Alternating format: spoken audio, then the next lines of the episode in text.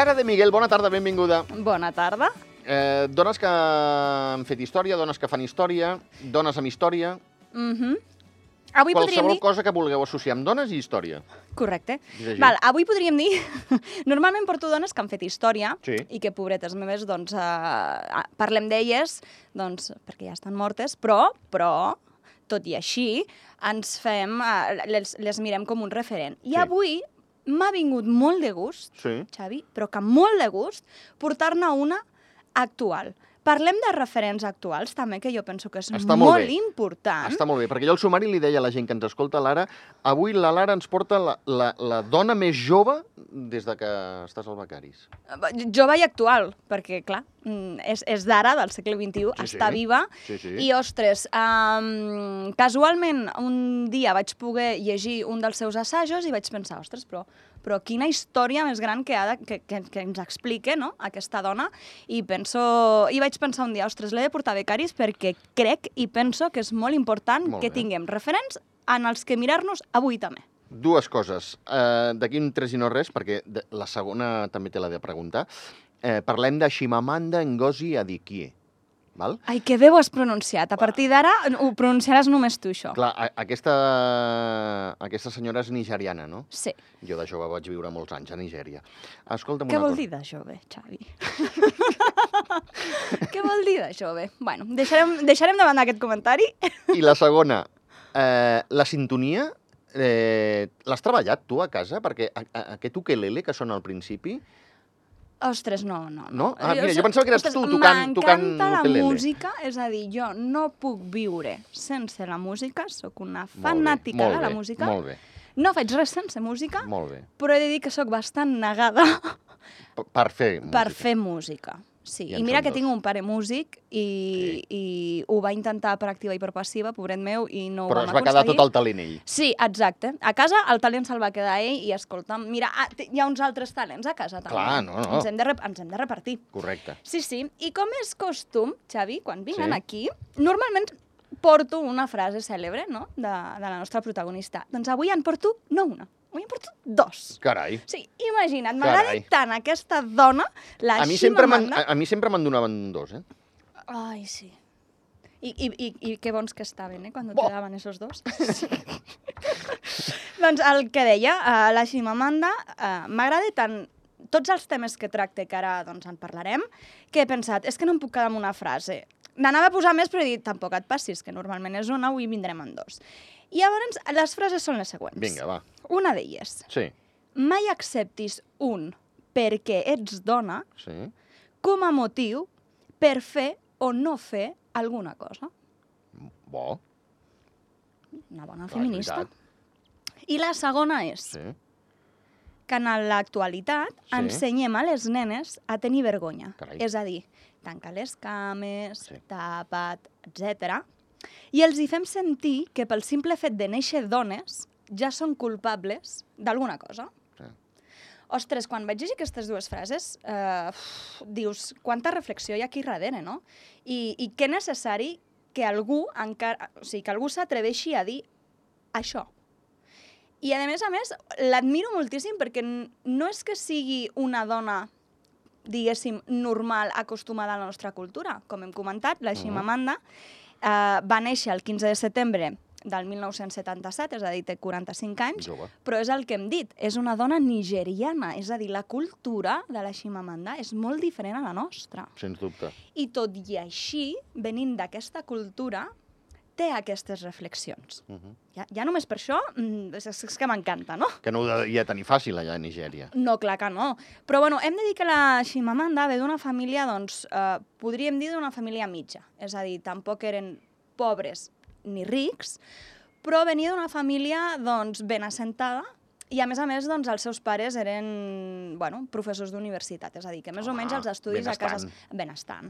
Llavors, a casa seva sí que, doncs, eh, els estudis sempre han, han, han sigut importants. Clar. La Ximamanda, de fet, eh, ha estudiat moltíssim al llarg de la seva carrera, ara en parlarem, i en l'actualitat, doncs, és escriptora i dramaturga. Val. I, i avui parlem d'ella precisament per, eh, bueno, doncs això, el que et comentava. Vaig llegir un dels seus assajos, que és el de tots hauríem de ser feministes, Mhm. que a mi la veritat, doncs, després de llegir-lo, li recomano a tothom, si us plau, Sí. homes i dones, llegiu-vos aquest assaig, que a més és molt curtet, em sembla que no té ni 90 pàgines, Carai.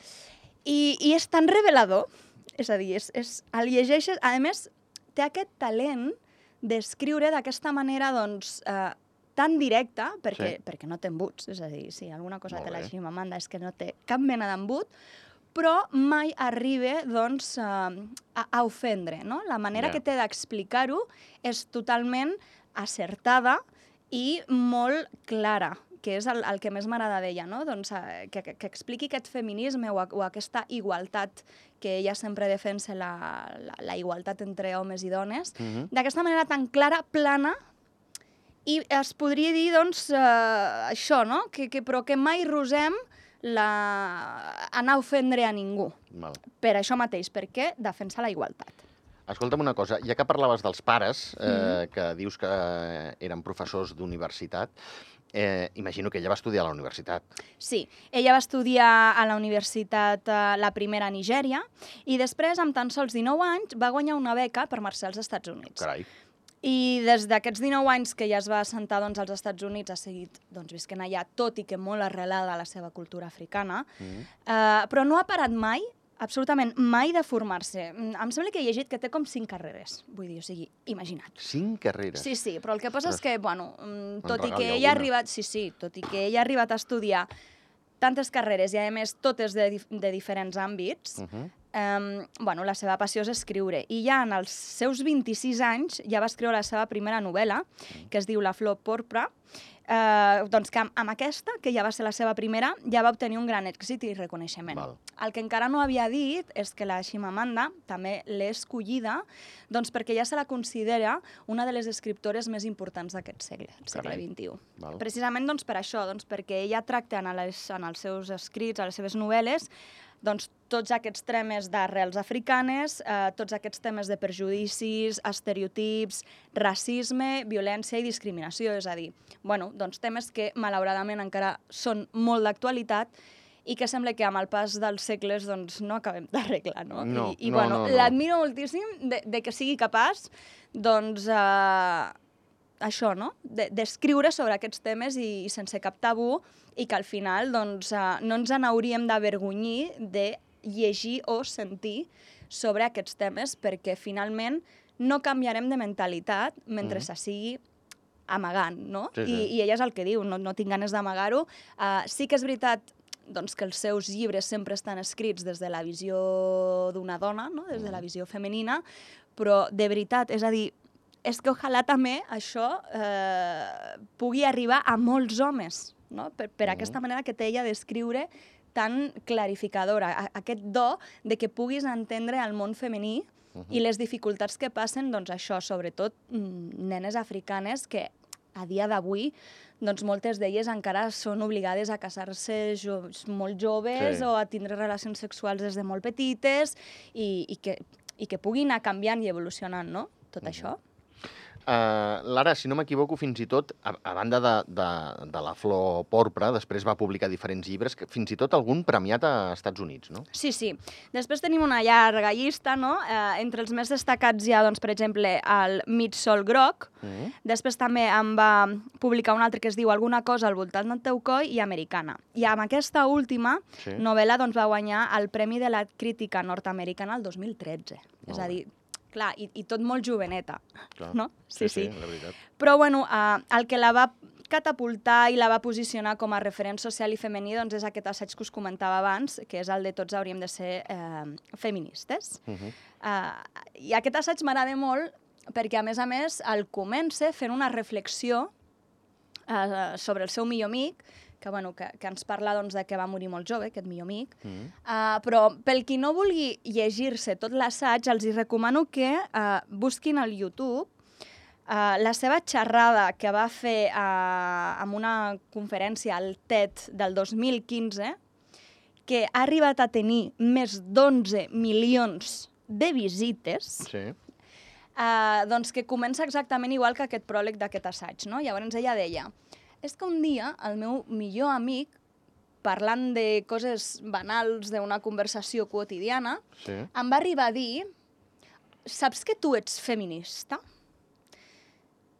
Però, no això, li va però dir amb un pot to... estar, pot estar bé que et diguin això. No, sí, és a dir, pot estar molt bé que et diguin això, Sí. però clar, estem parlant de Nigèria. I estem Ah, què parla- vols dir? Que li va dir mm, Clar, estem segones? parlant de Nigèria i estem parlant de, de que, doncs, segurament aquesta conversa la van tindre, doncs, quan ella doncs, potser tenia 10 o 12 anys, no?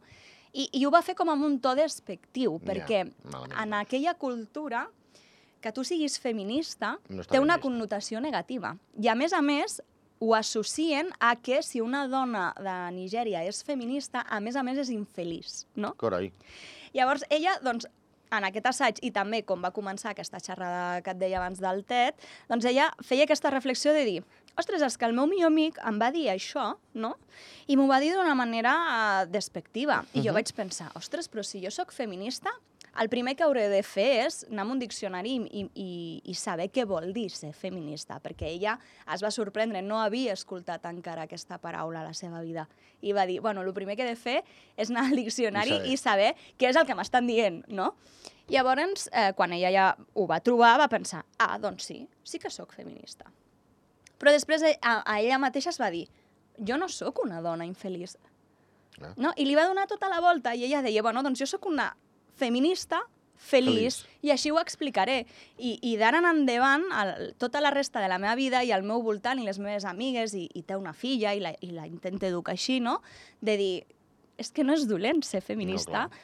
i, i no té res a veure amb, amb el teu estat d'ànim ni, ni amb la teva felicitat. Vull dir, pues, jo, jo, jo m'autoproclamo aquí una feminista re, eh, feliç i, i ja està, no? Uh -huh. I, I és molt graciós doncs, la manera que té ella d'expressar-ho, no? Eh, per això recomano que veieu aquesta conferència, per, per, perquè ella arribi a dir doncs, que això, jo no me n'avergonyeixo i, i tinc l'humor i el sarcasme d'explicar-ho, però, però d'explicar-ho bé, no? doncs, el que dèiem abans, de, de que mai doncs, per al respecte per ningú ni res semblant. No?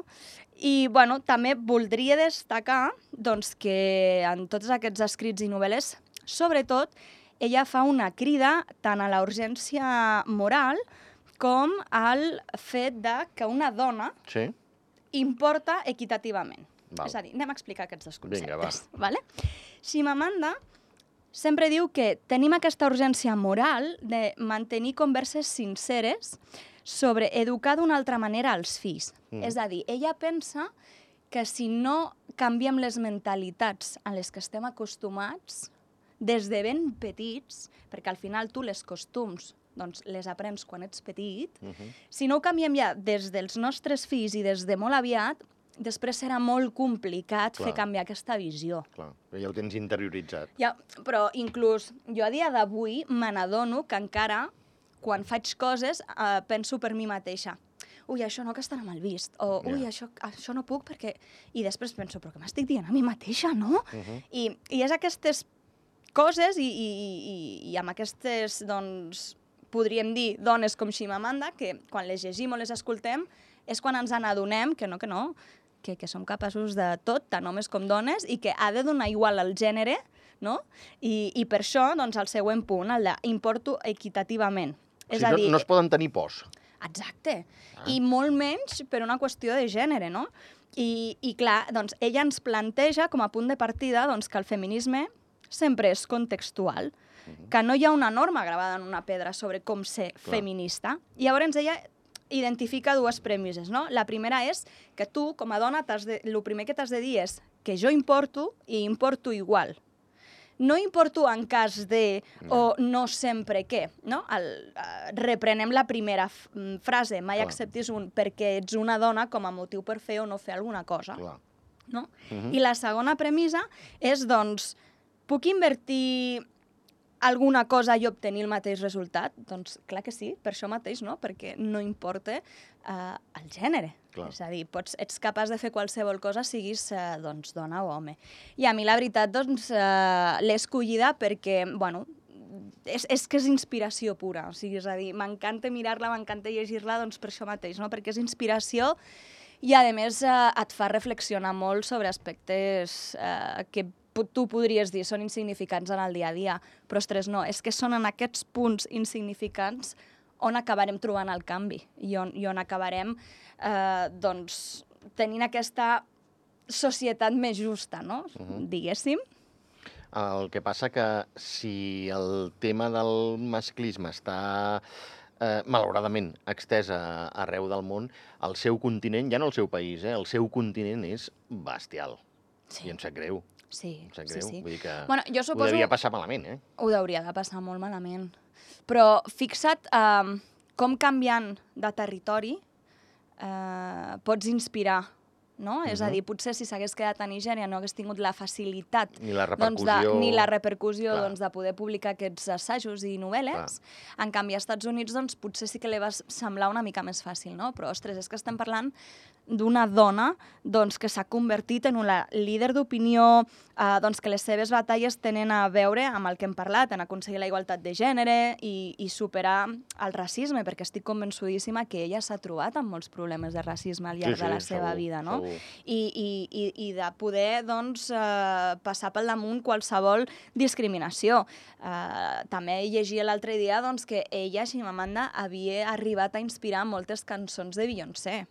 Carai. I dius, ostres, uh, si la Beyoncé també com un referent, doncs és, és que, clar, se sent identificada amb tu, no? I clar, que una Beyoncé surti i digui, no, jo em sento identificada amb aquesta escriptora, doncs home, també t'ajuda molt, no? Però bueno, mm, és perquè veiem que realment les dones al món doncs també tenim la nostra opinió i també ens sentim reflectides en les opinions de les altres, perquè, bueno, més o menys, totes ho hem passat i, i, en, i sabem per on anem, és a dir, i, i que hi hagi una persona que, que, ho, defen, que ho defensi i ho defensi d'aquesta manera, doncs encara l'admires més, no? I encara t'hi sents més reflectida. Uh -huh. eh, ho deies tu al principi, escriptora i dramaturga. Empresària no, eh? No, que jo sàpigui, però... No, però ho dic, amb aquesta empenta, tu ens has portat moltes dones en aquesta sí, empenta, que escolta'm... Sí, sí, que al final han acabat sent empresàries. Sí, bueno, doncs no. Però, Bueno. bueno. al final uh, que siguis escriptora i tinguis un best-seller al mercat també es podria dir, no? Sí, Com sí, una mica... ja tens mitja empresa. Tens ja mitja empresa Escolta'm, feta. i, i, i a casa seva, al seu país, vull dir, Mm. com, com, com ho veuen, eh, això que exporti el feminisme? Bueno, és el que comentava abans, no? Uh, el feminisme en la seva terra doncs, no està ben vist. És a dir, és el que li deien, no? Però bueno, si tu ets feminista ets una dona infeliç. No? I, i, I les dones allà no poden ser feministes. Però clar, entenc que, que, que fins i tot li deuen dir... Eh, com parles d'això si aquí no se n'ha parlat mai? No ens atabalis, que volem seguir aquest patriarcat i volem Doncs- seguir... Doncs, no? clar, És- per això et és cosa d'altres, no? Sí, doncs per això et dic que encara l'admiro més, perquè tot i així, tot i anar una mica en contra de la seva cultura, ella segueix els seus ideals i ella segueix eh, sent fidel a la seva manera de pensar i a la seva manera de veure i entendre aquest feminisme. Al final ella, eh, clar, no ha crescut amb aquest referent i ella tot el que sap de feminisme al final és eh, per tot el que llegeix i tot el que es documenta i tot el que estudia, no? I, i això també ho trobo d'un valor eh, incalculable, no? Que, que tu, sent autodidacta i, i llegint per la teva banda, puguis arribar a tindre aquest pensament que és tan contrari Mm. al, al de la teva cultura, al de Clar, la teva terra, al de la sí, teva sí. gent, no? Inclús és el que deia, dius, és que el meu amic uh, va haver-hi un dia que em va dir feminista, no? I, I que siguis capaç de dir amb orgull i que no te n'avergonyeixes, doncs mira, sí, sóc feminista, uf, fantàstic. Entenc, Lara, ens deies que té una filla, eh? Sí, Eh, entenc que quan va anar a estudiar als Estats Units es va enam- enamorar d'un americà perquè casar-se amb algú del seu país deu ser complicat, doncs això la veritat que no, no ho sé, no ho he buscat. No? No sé. Mira, bueno, però, si trobo, però... mira, si no, No, s'ha casat, si, no ser- si no casat amb un nord-americà i s'ha casat amb algú doncs, de la seva cultura, mira, m'agradaria pensar que li ha fet canviar d'opinió i que potser Mira, ell això- també és feminista. Perquè, clar, en el seu assaig és que tots hauríem de ser feministes. Clar. Així que segurament la persona que deu tenir al costat comparteixi aquesta opinió. Mínim, Mínim. Eh? Mínim respectar-la. Sí, sí, mínim, sí. Mínim. Però bueno, és el que et dic, no? Ella, mm, doncs al final té tot aquest cercle en el que intenta canviar el pensament de la societat i, i una de les seves últimes novel·les doncs, és precisament un escrit no? que, que li fa com a la seva millor amiga de com podries educar a la teva filla arribar a aquest pensament, no? I, i són 15, és com un decàleg de 15 punts mm, extraordinari, no? En el, que, en el que et fa entendre doncs, aquesta equitat i que, bueno, doncs, quan arriba el moment de, de la teva maternitat i paternitat, doncs, que és cosa de dos i no que sigui només cosa de un, no? Doncs la corresponsabilitat, és a dir, doncs tots aquests temes que estan tan d'actualitat però que ningú s'atreveix a parlar-ne i que tots tenim així com una mica apartats i, i en forma de tabú, no? Uh, doncs no, Ximamanda surt al carrer i ens diu que cap problema i parlem-ne i anem a canviar-ho. Està casat amb un metge nigerià, amb segones núpcies. El primer marit se li va morir, pobre. Ostres. Sí.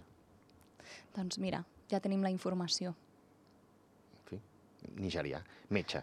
Clar, Segurament- perdoneu-me, eh, però clar, està, té, té, té dos dits de front aquest senyor, no? Ah, evidentment. Bueno. Penso, penso que ha arribat a canviar-li el pensament. Segurament, alguna manera de pensar, però igual ja li venia també de casa. Perquè si ets metge, vull, no? creure, vull creure que sí. M'agradaria creure que sí. Val, I que molt bé, Lara. i que ho estem molt bé, canviant. t'he entès perfectament. Si no... Al final és molt senzill, és, bueno, jo parlo jo i dic que és molt senzill, no? Però, ostres, és... és eh, crec que no és tan difícil doncs, que en aquesta, la nostra generació, la que ja estem en ple segle XXI, la que estem amb un munt d'informació a l'abast, eh, la, la que ja, port, ja on la dona ja fa més de 50 anys que està en el mercat laboral, no? doncs que, que sí que estem canviant les coses i que sí que hi ha aquesta corresponsabilitat dintre d'una família i que sí és possible educar els teus fills allunyats d'aquests estereotips i, i, i allunyats de les qüestions de gènere, no? És a dir, doncs, eh, evidentment, si tens un fill nen, és molt capaç de fer-se el llit, no? Sí. I, I si tens un fill nen, crec que també és molt capaç, doncs, d'arreglar els plats i posar un rentaplats. No? Igual que si tens una filla nena, doncs és capaç d'anar-se'n al traster i arreglar-lo i agafar una capsa una mica pesada i, i, i, i col·locar-la al traster, sí, no? Vull sí. dir, és que ho hem de normalitzar tant i, i que bé que tinguem referents com la Ximamanda en la que veure'ns reflectides i pensar que bé que es parli d'això i a més a més, doncs, que quan la llegeixis et faci reflexionar, que és el que a mi m'ha passat i, i bueno, des d'aquí recomano a tothom, a tothom, que eh, la puguin escoltar buscant-la al YouTube i que com a mínim es llegeixin aquest assaig magnífic de Tots hauríem de ser feministes. Entenc, Lara, que fins i tot eh, Ximamanda eh, pot ser líder d'opinió. I tant. Sí, Val. sí, sí, sí. Bueno, és, és el que et dic, s'està convertint en una de les escriptores ja més reconegudes del segle XXI. És a dir, igual d'aquí tres segles hi haurà un Xavi i una Lara fent un becaris Sí. i recordaran també doncs, tota la tasca de la Ximamanda. Molt bé. Tant de bo. tant, tant de bo. Uh, Lara, moltíssimes gràcies per fer-nos descobrir a Ximamanda Ngozi Adichie, perquè, home, crec que no se li escapa a ningú, però és igual, ho diré públicament, a mi no em cauen els anells. Jo no la coneixia i t'agraeixo molt que me l'hagis fet conèixer. Doncs busques al YouTube la, La xerrada. la xerrada del TED del 2015 on comença, que es diu igual que el seu assaig de Tots hauríem de ser feministes, perquè et puc assegurar que t'encantarà. No ho dubto, i més si em ve recomanat d'una tal Lara de Miguel. uh, Lara, moltíssimes gràcies. Fins a la propera. Que vagi molt bé. Adéu. Adéu.